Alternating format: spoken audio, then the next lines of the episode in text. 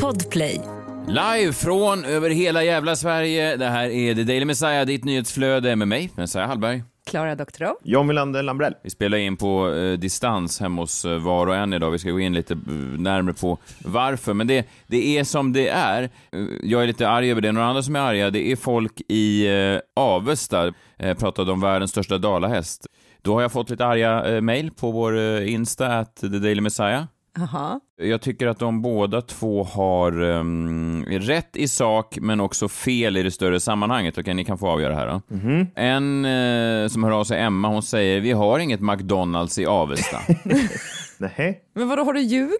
Nej, det har jag verkligen inte gjort. Utan precis framför den stora eh, jävla dalahästen, världens största dalahäst då, så ligger ett Burger King. Jag blandade ihop de två. Det är, alltså, saken är ju samma. Ja, ja, jag förstår. Men det är ju ändå roligt att du blandar ihop dem. Fast det roliga där var ju att det stod en, en att de var tokiga i hamburgerrestauranger i Avesta, att det var som en nattklubb, att det stod en som en vakt och försökte föra ut folk från Burger King i Avesta. Ja. Ja. Nästa person, Marcus, har kanske en lite större poäng, möjligtvis, men jag tycker han har då fel i det större sammanhanget. För det som var då, det var ju världens största dalahäst och sen har de då mätt ut Armand Duplantis världsrekord på en mätare bredvid dalahästen.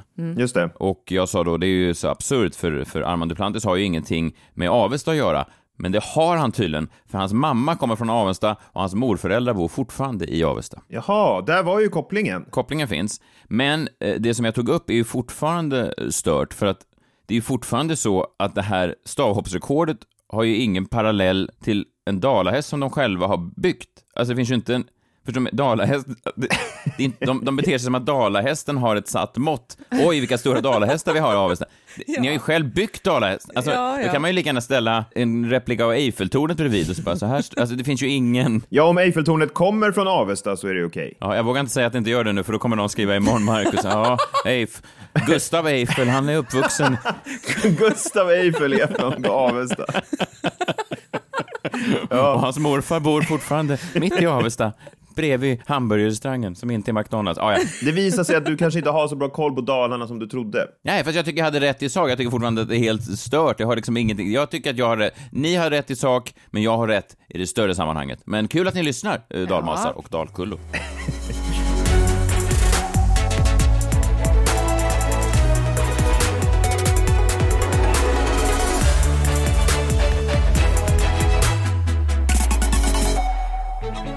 Ja, nej, vi sänder ju från lite olika eh, håll eh, idag. Vi sänder ju hemifrån oss själva eh, på grund av eh, det här jävla eh, viruset då som eh, ja, jag har fått in i, i familjen. Jag är inte sjuk, men vi, jag har det i min, eh, i min närhet, så då måste vi ju liksom sitta på varsitt eh, håll. Och jag tycker inte om det alls.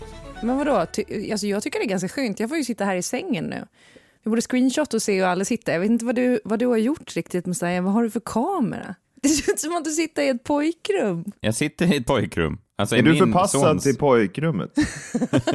är, det inte men, är det inte meningen att den i familjen som har viruset ska karantäna sig i ert rum? Det är istället du som karantänar dig. Ja, men det här är ju inte mitt rum. Det, det ni ser är ju då min sons rum. Min, min fru då, som är eh, den sjuka, hon har ju tagit upp hela dubbelsängen. Ja, Min fru föreslog till och med att vi skulle ta oss till landet, alltså resten av familjen, för att då inte råka, råka bli sjuka, vilket var gulligt av henne, fast det känns taskigt att lämna henne just för hon är vä- väldigt så under isen. Ja. Usch då. Ja, men i alla fall, jag tycker att det är, är skit och jag tänkte därför eh, gå igenom det i eh, dagens minut.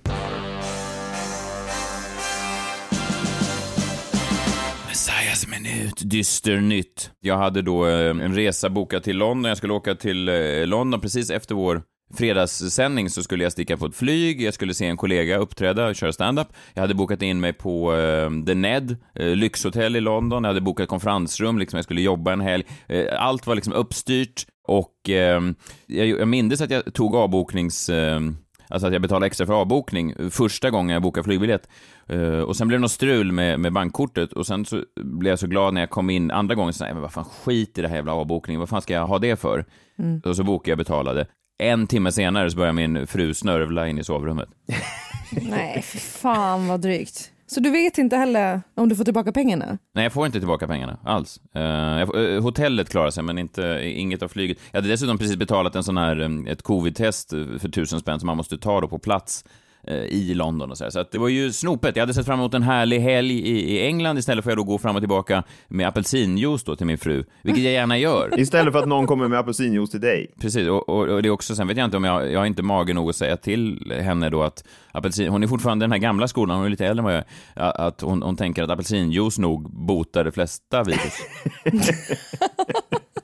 Inte C-vitamin. Det känns ju som att det är liksom långvårdsstämning på ett litet glas med apelsinjuice och sen ett litet deppigt sugrör som sticker upp. Ja, det känns också som att det var något som ens mormor alltid så här, ta en C-vitamin, alltså att, som att, vi, att läkekonsten har gått vidare, men ja, jag vill inte ta den diskussionen nu.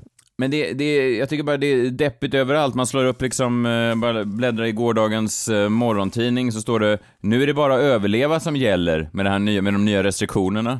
Nu är det bara överleva som gäller. Kulturbranschen då har gått in i en ny eh, chock. Det är, det är jävligt deppigt. Åh, fy fan, jag spyr på allt det här! Men hur ska de klara det här? Jag förstår inte det. Hur ska de klara en vända till? Varför ska de alltid bara ge sig på krogarna och kultur? Alltså, fan. Ja, men jag har ju varit helt okej tycker jag med restriktionerna hittills, men nu börjar det bli, den här vändan tyckte jag sved. Den här vändan kändes så, den kändes så onödig också, för de kunde liksom inte riktigt motivera det. Det var ju mer bara, nu var det ju verkligen så väldigt mycket bara, ja, lite på känsla, att de bara stoppar lite bara för att för att. Ja, och att det finns influensa och RS-virus också. Ja, men jag har aldrig varit okej med att du har varit okej med det. Alltså, det börjar ju komma röster nu som gör sig hörda och, och, och det blir väldigt tydligt att, att det handlar mer om att värna om antalet vårdplatser än att faktiskt anpassa antalet vårdplatser till samhället. Och, och det tror jag är, kan bli den här regeringens fall, även om det är ju oftast moderat eller alliansstyre runt om i sjukvården i Sverige.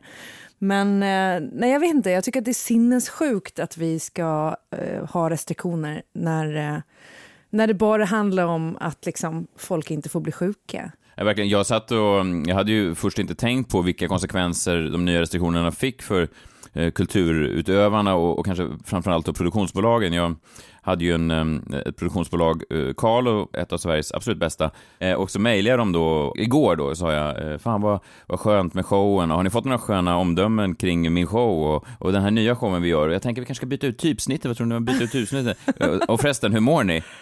Och så svarar de, jo precis, det är lite hektiskt nu, vi har inte riktigt tid att titta på ditt typsnitt, då hela vår vår precis har ställts in. Fy fan. Ehm, och då kände jag mig, eh, ja men då kändes det, då blev jag lite drabbad av det, för då kände jag, för fan, det var ju själviskt av mig att stå och- och bara sukta efter egna eh, fina omdömen när hela deras eh, bransch liksom går på knäna, igen. ja. Typsnittsrestriktioner. Jag bara tänkte på det när hela branschen går på knäna och allting. Att så här, min, eh, Kjell, ja ni vet min man Kjell. Just det. Hans eh, mamma gick ju bort nyårsafton eh, till år 2000 i influensa, eh, 60 år gammal. Och det var ju en sån här riktig värsting säsongsinfluensa. Liksom. Det var skitmånga som dog. Och så såg jag att eh, Oisin Cantwell skrev i Aftonbladet igår att eh, om man tittar på säsongsinfluensan, om det var typ 16 till 17 eller 17 till 18, så var det ungefär 14 som dog varje dag under samma period som det är fem som har dött nu i covid. Så vi har ju fortfarande en, liksom, det, det ser ju bättre ut i vården om man tänker antalet inlagda på IVA och dödsfall och så vidare. Men konsekvenserna blir ändå så himla mycket större. Och samtidigt så ser vi nu idag att typ eh, Region Stockholm har gjort så här rekordsparpaket. Alltså de har ju sparat 6 miljarder istället för 4 som de hade bestämt sig för att spara. Är inte det sjukt under förra året? Jo, men det är så mycket som är sjukt och det, jag, jag vet inte, bara- det bara känns, för det, jag tyckte det kändes som en, en ljusnande framtid, det kändes ganska positivt. Och sen igår bara blev jag så otroligt hårt drabbad just, det kändes som allt stängdes ner igen, man bara läser Dagens Nyheter, står gala utan glans på Golden Globe. Det är ju inte en rubrik man bara, gala utan glans. Man ser bara deppigheter överallt. Eh, De skrev om Bob Saget, ni vet, det tog vi ju upp i, i, igår här, men eh, han dog ju. Han får bara en notis i DN, stjärnan från huset fullt hittad död. Under att Riksteaterns VD slutar. Det är ju deppigt. Varför slutar Riksteatern på grund av restriktionerna? Det var inte poängen. Nej. Och så läser man Melodifestivalen i kris, hela turnén kan ställas in. Eh, Q, bild på ledsen Oscar Sia, som såklart själv har corona nu också. Allt bara eh, faller ihop. Ja. Men, men är inte, håller ni inte med om att allt är deppigt? Den här jävla elkrisen, jag vet att John, du har inte sett en elräkning sen, sen du flyttade hemifrån, men det, det är ju det är deppigt. Och så läser man de här tipsen, du vet. Och det här kanske då mitt klasshat kommer in lite grann, för man läser ju ganska sorgliga historier om folk som såklart tvingas liksom lämna sina hus för att de inte har råd att betala sin elräkning. Men det finns en ännu sorgligare historia, tycker jag, och det är när man läser de här människorna som nu går upp mitt i natten för att sätta på diskmaskinen och sånt där. ja, det är jag. Jo, men du kanske har någon sån här autoinställning, att den är någon sån timerinställning eller någonting. Ja, jag men- tänker på de här, jag läste någon, eh, någon gubbe som tvingade upp sin eh, fru då mitt i natten för att slå på diskmaskinen, eller någon gubbe som stod och dammsög mitt i natten. Det är så- Det är så mörkt på något sätt bara. Fan, låt folk få dammsuga på dagen. Vad är det för... Det är ju inte den ljusnande framtid i vår, att, att folk står upp, Nej, massa, nej. massa gammelpensionärer står och liksom gör allt hushållsarbete mitt i natten. Det är ju fan ovärdigt. Men alltså jag såg nu, för jag följer ju timme för timme, dag för dag, och nu såg jag nu att från och med i natt och imorgon natt så kommer elen vara nere på typ 30-40 öre i Stockholmsregionen i alla fall. Till skillnad från typ fyra spänn. Liksom. Så att, eh, jag var så här direkt på att Kjell bara, nu måste vi ut och ladda bilen, vi måste göra det här. Så bara, Kom igen. Och så, så eh, tar vi ut den där imorgon. För det är så stor skillnad. Alltså, det kan diffa då på att man får en elräkning på 800 kronor för en dag. Alltså en dag kan kosta 800 kronor. Eller så kan en dag kosta 100 kronor. Alltså det är ju en jävla skillnad. Och om jag tycker att det är svettigt för min ekonomi så för, jag förstår att så här, folk har det piss. Med Men tanke på 30-40 elen. öre kan man väl betala för el? Ja men det är ingenting. Men vad vet du om det? När du ska betala 6 kronor för elen, då är det jävligt jobbigt. John tror att det är en engångsavgift på 6 kronor. Men alltså hur kan du vara så eftersatt i liksom vad som pågår i människors liv och, och samhället i stort? Alltså elkrisen är ju en av de största grejerna som har hänt på väldigt länge. Som Jo, jo, jag känner, jag känner med folk, men jag bara, varje dag som jag nu öppnar Jag brevlådan så känner tänk, med folk. jag känner med folket. Men varje dag jag öppnar brevlådan nu så tänker jag, nu kommer den ju ligga där snart, elräkningen. Men den, det har inte hänt. Just det. John Antoinette. Varför tänder de inte bara lamporna? Efter, efter vår sändning, när jag hade haft mitt öppna brev häromdagen, så sa John, kan du inte bara dra in en generator? Och då, bara, vadå generat? Alltså, en, vad tänker du, en dieselgenerator eller vad, vad tänker du för typ av generator? Men så när elen går på olika ställen och så, här, så kan man ju dra in en generator och så dras den igång igen. Men vet du, vad, vet du vad dieselpriserna ligger på? Nej, för du har Mm. aldrig sett en bil som inte är en Uber. Jag har suttit i baksätet på många bilar ska jag säga dig. Ja, nej, men det, jag vet inte. Det här är egentligen bara en, en, eh, en minut. Fan vad deppigt allting är. Ja, men det är bara en, en minut om, om, om landets eh, Eh, läge. Jag, också, jag gick förbi en spegel eh, nu här idag och, och jag, jag såg att det var, jag, man blir långsamt ful. Alltså att den här årstiden också sliter ner ens ansikte långsamt. Man blir, bryter ner mm, skönheten hos en. Och, och jag menar, om det drabbar mig, då vågar jag inte ens tänka på alla fula människor där ute i landet som, som, som måste drabbas ohyggligt av det här, alltså som inte har Ja, men inte har det råmaterialet. Men vadå, de var ju redan fula. Jo, men jag tror det finns nog, det finns, man kan nog alltid bli fulare, tror jag. Jag tänker på dem. Det är liksom, folk utan el, folk är fula, folk är snörvliga. Och jag är allvarligt rädd liksom för, för Sverige, för svenskarna. Och om det inte vore för den här podden, om det inte vore för oss tre som varje dag, likt Hyland under kriget, gick till underhållningsbunkern för att, för att roa Sverige. Nej. Jo, då hade folk inte haft något som helst ljus. Men nu, ett litet, litet ljus i, i tunneln ändå. Och det, mina vänner, det är, det är vi. Och det kan jag säga helt utan att, att, att så att säga, eh, vara självförhärligande. Ja, vad snällt att, att vi bjuder på dysternytt.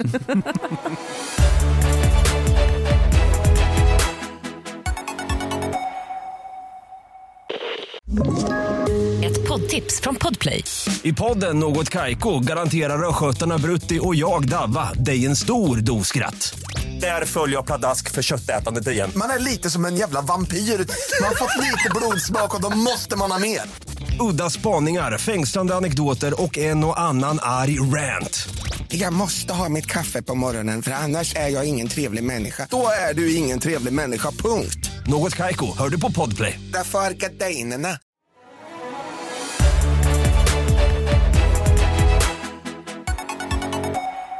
Vi har haft lite teknikstrul. John, du har haft lite svårigheter att bara, så att säga, få till det. Jaha, jag hade ju ingen mick. Och du tänkte aldrig på att du kunde prata direkt in i jombolan? Jombolan är i studion, det vet du också. Du kan i stort sett få in tv-kanaler med Jombolan. Det är... Jag minns när vi, var, när vi var barn, då kom jag alltid över till dig och kollade på Al Jazeera. Det var ju tack vare Jombolan som tog in det.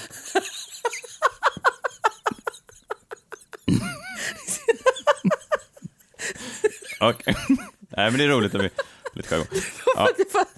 Ja, Det jag tänkte... ja, det jag tänkte komma in på att det kan ju vara, det är ju andra människor som, som jag tror um, också haft teknikproblem. Har ni sett det som har hänt med Runar Sögaard, eh, Carolas exman? Ja, han har problem eh, på anstalten. Ja, han har blivit förflyttad då från en anstalt till en annan. Han har varit in- involverad i en eh, massa tjafs och, och, och bråk. Eh, bland annat då en våldssituation när Runar Sörgard ville sätta sig och titta på text-tv. Men en annan fånge ville försöka slå på en riktig kanal. Då tappade Runar det och sa att han ville titta i lugn och ro på text-tv. Jag tänker bara att det finns, jag vet inte vem som ens tittar på text-tv nu för tiden. Men, men, Jag läste ehm, någonstans att text-tv var populärare än någonsin, men det kan ju inte stämma. Ja, men jag tror att den här text-tv-appen är väldigt populär, för den Varför kör min då? man också. Men jag tror att det finns någon nostalgi, det, det, är alltså, det har blivit lite punk typ. Det måste det ju vara, för annars är det obegripligt. Sämsta punken någonsin. Punken har i och för sig alltid varit dålig. Jag har alltid hatat punk. Hatar den mer eller mindre nu när den, när den kommer i text-tv-form? Lika mycket. Nej, men jag, jag tycker det är tråkigt att vara på distans just för att man går ju miste om eh, smakerna, dofterna och kunna ta, ta på den. Men du kanske ändå kan göra ett inslag, ett nedslag i jombolan. Nu är det dags för Jongbolan.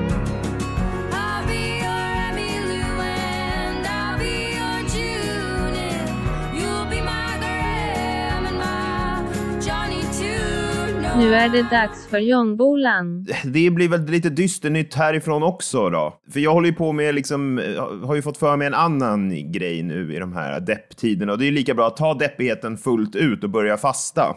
Vadå fasta? Vartannat år så tar jag så här blodprover, gör sån här checkup liksom. Kolla värdena. Gör ni det? Såna Verlabs brukar jag göra, men ingenting annat. Ja, men det är precis, det är det också som jag gör. Men, eh, och det, det hände samma grej ett tag innan jag ska göra det. Jag får liksom ångest för att de här värdena ska vara dåliga då av någon anledning. Men har du fått... Nej, men jag, bara, jag, bara, jag vet inte vad det kommer... Jag bara, fan också, nu, är det, nu kommer värdena vara dåliga. Jag får ångest inför de här testerna och så ska man vänta på de här testresultaten. Och gud, jag får, jag får jättemycket ångest över det. där.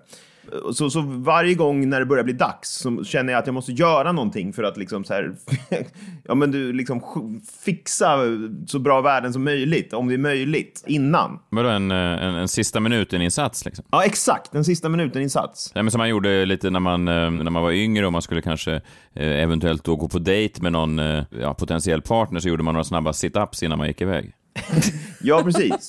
Ja, men det här är ungefär som att duscha innan dejten, tänker jag. Alltså, man går inte på en dejt utan att duscha. Tänker du inte det omvända? För jag hade nog tänkt att jag kan få ett falskt positivt, förstår du? Att du eh, dopar dina egna liksom, resultat. Det är precis det jag vill. Jag, jag är okej med att leva i, i, i, att bli invaggad i en falsk verklighet. Det är okej, men jag är inte okej med att jag får tillbaka dåliga värden. Jag får ångest av hela grejen. Skitsamma. Och vartannat år då så har det dykt upp någon ny jävla trend om vad man ska göra då för att chocka kroppen till bra värden. Och nu är det ju det här med periodisk fasta som är eh, det hetaste. Det, det, håller ni inte med om det? Ja, Lex Martin Björk då? Höll han på med det? Ja, det, det minns jag. Han, han gjorde det och sen så uh, sänktes han också ner en gång i veckan i en stor isvak med minus 200 grader eller vad han kom. Just det, sån här kryoterapi som, brä- Ja. som sätter igång fettförbränningen.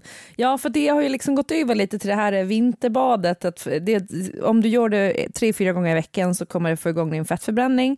Och du kommer eh, bygga mer sånt där brunt fett som tydligen är hälsosamt fett. Sånt som de hade på stenåldern. När de frös mycket så behövde de brunt fett. Det är också sånt som, om man hade mycket brunt fett så överlevde man förmodligen Estonia, så brukar jag tänka. Det är ganska många sådana, alltid de här dieterna, så bara, på stenåldern så gjorde man så här, det är dags att gå tillbaka till det och bara, varför det? Vadå, levde folk bättre på stenåldern? Det har jag svårt att tro. De dog ju rätt tidigt. Ja, så ingen av dem lever ju fortfarande, som levde på stenåldern och körde den dieten. Fast man fick titta på text-tv i fred. Ja, men i alla fall, när man får för sig någonting sånt här som jag får för mig, och det är såklart irrationellt och allt sånt, men då man drar sig emot poddar och skit, för man vill veta hur ska man göra det här? Vad är liksom det mest effektiva sättet att fasta? Ska man göra det i ett dygn? Ska man göra det i en vecka? Ska man göra det liksom några timmar per dag? Jag vill bara ha reda på det. Och då börjar man ju lyssna på lite poddar och sådär, och då dyker de ju upp då. Dietmänniskorna. Ja, Ni vet dietmänniskorna? ja, de vet jag mycket om. Ja, men det är på poddarna man hittar dem. Det är liksom män och kvinnor som vet vad och hur man ska äta och hur man ska leva överlag. Och de är väldigt säkra på sin sak. Ja, ja, alltid. Och jag har blivit utsatt för det här nu i ganska många timmar, för jag har lyssnat igenom flera poddar och jag är fan i mig inte klokare efter det. Först och främst så ser jag en tydlig skillnad mellan dietmän och dietkvinnor. Jag, jag drar lite olika slutsatser av dem. Och vi börjar med dietmännen. Och då är det en, eh, en fast man här ah, som dyker upp lite överallt. Han är någon slags Ja, men han är väl någon, den främsta talespersonen för fastan. Jag vet inte, han heter Alan Goldhammer.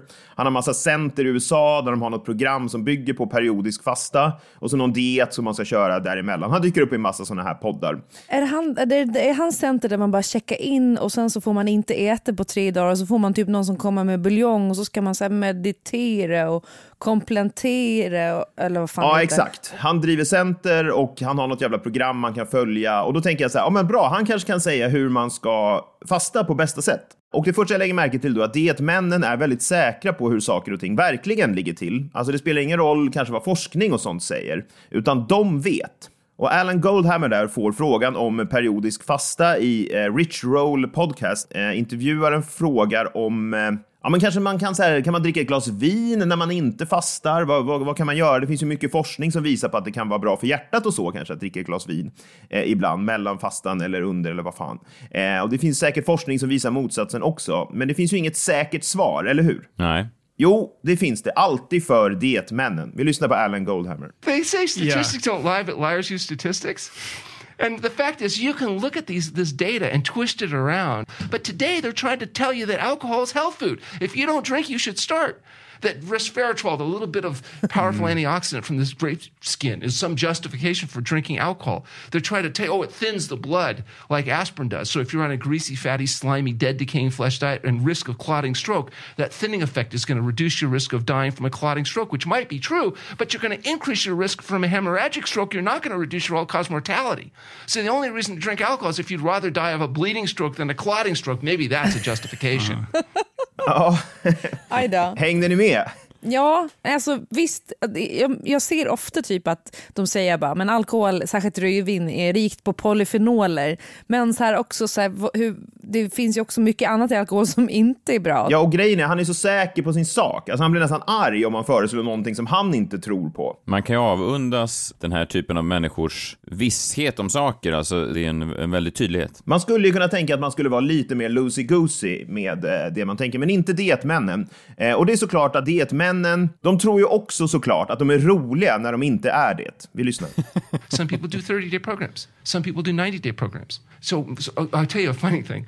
We have this phone coaching thing I told you about. And so one of our doctors, uh, Dr. Chilaveras, does a lot of phone coaching with people. And so people would call up on me and we decide, okay, they need to come in and fast, but it's a couple months before we have an opening. So I say, why don't you work with Dr. Veras in the meantime? And when you come in, you won't have to be here so long. You'll, and then they go and get well. And it's happening a lot. I'm giving her a hard time. I say, you got him well before we could come in. We, couldn't, we screwed up our, our study, our documentation. They're all well, you know. But it's okay. Tyckte ni att det var roligt? Nej. ja, nej, det var inte roligt Men han tyckte det var roligt. Han sa ju det här, here's a funny thing. Vet du vad det där påminner om? Det var ju lite som när jag var um, ankare på Energy Morgon och man fick in diverse olika artister som berättade diverse historier. Då var det ofta så att de sa, ja just det, en rolig grej hände på vägen hit. Och så var man tvungen att stå, jag ska inte droppa några namn, men då var ju jag och även ja, ni andra, vi var ju tvungna tillsammans att att skratta i kör. Och man har väl aldrig nästan känt sig så smutsig som när man ger en människa ett skratt där de inte förtjänar det. Det är, är något obarmhärtigt smutsigt i det där. Verkligen, och han poddaren gör ju precis det. Han, han börjar inse här, Ja, nu måste man jag måste skratta ju. här, för här var en punchline. Det är också ett problem när man måste liksom invänta storytellerns eget skratt för att förstå att det här var skämtet. Ja, exakt. En annan grej som är, är, är problematisk, det är ju då dietmännen, att de använder anekdotisk bevisföring. I'll give you an example. My brother, my brother's six years older. He's slowly gaining weight. 15 years later, my brother's still eating chicken and doing stuff and getting uh-huh. fatter, and he's got he can't do, play volleyball anymore. His legs all swollen up.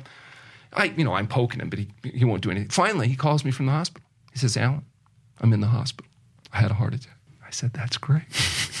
he goes, "No, no, no. You don't hear. I had a heart attack." Uh-huh. I said, "I heard you. Best thing that could have happened." So he said, Oh, they want to do a quadruple bypass. And he says, What if I made radical diet and lifestyle change? Checked himself out, got on a whole plant food SOS free diet, lost the 50 pounds, back to playing volleyball, passed his stress test, still has his vessels. Ja, så att hans, Alan Goldhammers bevis här för sin konstiga fastdiet är att hans brorsa kan spela volleyboll igen. Men alltså det här är... eh, Förlåt, men jag hatar honom. Jag hatar allt med honom. Men han är en vidrig man. Han är den värsta mannen jag har hört. Ja, men också, jag i alla fall inte klokare av hur jag ska göra min fasta av det här. Hans jävla brorsa kan spela volleyboll igen, jaha. och då tänker man ju så här, det lärde jag mig ingenting av. Nej. Så idétkvinnorna då? Finns svaret att hitta där? Och då hamnar jag hos en kvinna då som heter Laurie Lewis, som verkar vara, ja men hon är väl då den kvinnliga motsvarigheten till Alan Goldhammer, liksom någon slags talesperson för periodisk fasta. Och hon dyker upp i podcasten Intermittent Fasting, vilket då betyder periodisk fasta. Så då tänker man, här kanske man kan lära sig någonting om periodisk fasta. Ja, det låter ju rimligt. Ja. Eh, hon jobbar heltid med några kurser och annat för att hjälpa folk komma igång, den här Laurie Lewis. Men precis som dietmännen så pratar dietkvinnorna också väldigt lite om själva ämnet. De pratar om andra grejer. Dietkvinnorna pratar bara om hur man ska komma i olika klädesplagg. we encourage people to have their goal clothing, goal jeans, goal top, Right. goal dress that the buttons gape at the chest and or you can't zip it. You wouldn't go out Yeah. of the house and maybe you know you can't sit down. It's fun and I think important as you have said to have that honesty clothing, which is a piece of clothing with no stretch at all. You have a, a skort, right? I do. I, it's a it's a Lily Pulitzer size zero skirt. I love. I think the prints are really pretty. I love the prints, but they're just not. I'm not a flowery girl. Does that make sense? Hon är en not a flowery girl. Det här var ju ännu värre än dietmannen, han den där. Nej, för fan vilket as. Ja, men jag förstår inte vad det är så här, I'm not a flowery girl. Hon vill, hon, de pratar om någon jeans de ska ha då, som de inte kan komma i och så vill de ha blommor på jeansen. Jag fattar inte riktigt. Men också det här med honesty clothing som ska vara helt utan stretch. Och för bara visa exakt liksom hur mycket man har gått upp. Det, är ju sinnet. det här är ju ätstörda människor. Alltså, podcasten heter ju Periodisk fasta, inte Kjolar jag minns. ja, sen så ska eh, dietkvinnorna eh, alltid få in sina såriga familjerelationer i konversationen. När det egentligen skulle handla om fasta. I was home in Colorado visiting my mom, and she said, Let's use this time that you're home to turn the weight around. Oh, that's nice. Like I haven't been trying. Like Right. so I had a meltdown. Ja, hon hade en meltdown då hemma hos sin mamma. Jag måste säga då, när jag hör att de är från Colorado, för när jag var i Colorado senast så gick jag på, på gatan, jag var i Boulder, Colorado, och så var det en kvinna på andra sidan gatan som skrek Hey girl, I love your skirt! Ja, det kanske var den här kvinnan då. Jo, men istället för att prata om fasta så pratar de om när hon kom hem till sin mamma och mamma sa låt oss utnyttja den här tiden tillsammans till att få, få bort kilorna från dig. Ja, den sista grejen som utmärker dietkvinnorna, det är att de verkar precis ha upptäckt mobiltelefonen. It's time to tuck in for bed, and like all modern people, I pulled out my phone. and I Googled and popped these words intermittent fasting that I'd never heard before. I'm someone who, yeah. I've read voraciously my whole life, but when Audible became a thing, and you could put a book on, you know, on your speaker and go about your day and do dishes and work and, and listen to the book over and over and over again and rewind. And that is just so enjoyable for me. I, I'm not a Kindle girl. Så efter att ha lyssnat på timmar och åter timmar av de här dietmännen och dietkvinnorna så vet jag fan fortfarande ingenting om periodisk fasta. Hur länge har du klarat det då? Jag är inne på min andra timme nu. Nej, men jag är faktiskt inne på timma 40. Nej, men det är skitbra. Alltså, jag har som mest gjort 72 timmar, men jag tycker det funkar bättre när man bara eh, ja, men, kör typ ett åtta timmars ätfönster, för det är ganska enkelt. Och sen så är det skönt att man känner att kroppen får vila däremellan. Att man inte stoppar i sig massa grejer hela tiden, liksom, utan att den får jobba med det den har och tömma sig ordentligt. Varför lät det så jävla äckligt? Skitsamma. Men Ja. jag tänker att du ska lyssna på han eh, Jakob Gudiol eller vad han heter, som är på typ Styrkelabbet eller Tyngre eller något sånt där. Han är ju, jag har följt honom länge, han verkar vara ett rövhål. Men Han har koll på läget. Du, det låter som ännu en dietman. Ja, men, nej, men ett skånskt rövhål som ändå liksom bygger allt på den forskningen som finns och tittar på eh, övergripande forskning, inte bara på den som alltid stöder ens tes, vilket jag tycker de här dietmännen och dietkvinnorna ofta gör. Men eh, kan du känna hur, eh, hur det händer någonting med kroppen? Jag antar att, jag har aldrig gjort det själv, jag är hungrig nu faktiskt, bara allt prat om mat, men, men eh, och ni vet vilken dag det är, det är onsdag, så jag ska strax börja förbereda kvällens pannkakssmetning. Jag vet inte om jag har sagt det, men jag äter ju alltid min jag äter ju alltid torsdagspannkakan redan på onsdagen, vilket gör då att jag ligger en dag före konkurrenterna. Vilka är konkurrenterna? Ja, det är de som äter på, på torsdagar. Jo, men frågan är om de ser andra pannkaksätare som konkurrenter. Nej, men att jag ligger före. Sen på torsdagen, när de står och vispar ihop sin smet, två ägg, eh, två deciliter mjöl och så vidare, då har jag redan gjort det. Så då, när de är fast då i det, då förstår du, jag tjänar tid hela tiden. Varje vecka så ligger jag en timme före. Det är ju det många av de här lifestyle-männen säger, att hur får du ihop ditt framgångsrika liv? Jo, jag, jag slår konkurrenten hela tiden på fingrarna. Du börjar låta mer och mer som en dietman. Tack så mycket, det är det finaste jag någonsin har sagt. Men eh, min pappa, på tal om anekdotisk bevisföring, eh, man, man kan ju säga vad man vill, man ska äta hur man vill. Han blev ju 89 år, eh, hade egentligen aldrig några större sjukdomar, ja, någon liten grej med hjärtat, men det kan man ju få ändå. Eh, men han var smal i alla fall hela livet. Och han började ju varje morgon då med en kardemummamuffin, en stor ostsmörgås, två kung Oscars pepparkakor och en kanelbulle och en kopp eh, kaffe med mjölk. Det var det enda han eh, åt till frukost. Och han, eh, jag menar bara att, på tal om anekdotisk bevisföring. Ja, till frukost. Det var faktiskt det enda han, fick i sig på, kunde få i sig på morgonkvisten. Nej, nej han, han brukar även alternera, jag glömde en sak, han brukar alternera varje måndag, tisdag, eh, antingen en bondkaka eller en finsk pinne. Vad är det? Vodka? det, var en kakbuffé. Eh, och och sen brukar han ibland kalla ut mig och så sa han, min son! Och så fick man komma ut och då bröt han av den finska pinnen och la den på en tesked och så sänkte han ner den i det svarta kaffet. Och sen så fick jag gapa då som en liten guldfisk och så stoppade han in sin tesked i munnen och så sa jag, tack far. Gulligt. Fast jag kan, jag kan ändå tänka att det han gjorde är ju så här, så länge man tror på den dieten man har, jag tror inte att han, jag tror inte att han, jag tror inte att han marknadsförde den dieten. Han låter inte som en dietman. Nej, men så länge du håller dig relativt viktstabil och du tror på den dieten du har så tror jag typ att, att eh, liksom euforin i det, att man äter goda grejer som man gillar och man bara mår bra, det tror jag fan är värt mer för den långsiktiga hälsan än att man håller på och speka sig med de här sjuka dieterna som ändå finns.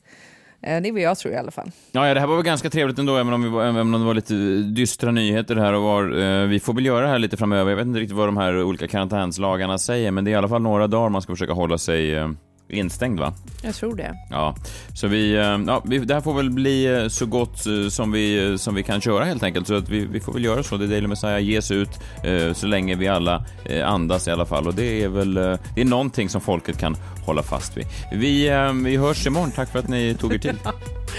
Tack! Hej, hej! Hej! Hej!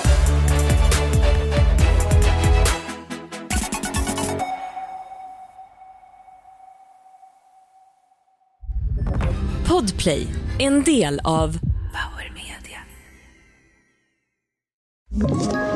Ett poddtips från Podplay. I fallen jag aldrig glömmer djupdyker Hasse Aro i arbetet bakom några av Sveriges mest uppseendeväckande brottsutredningar. Går vi in med hemlig telefonavlyssning och, och då upplever vi att vi får en total förändring av hans beteende. Vad är det som händer nu? Vem är det som läcker? Och så säger han att jag är kriminell, jag har varit kriminell i hela mitt liv men att mörda ett barn, där går min gräns. Nya säsongen av Fallen jag aldrig glömmer på Podplay.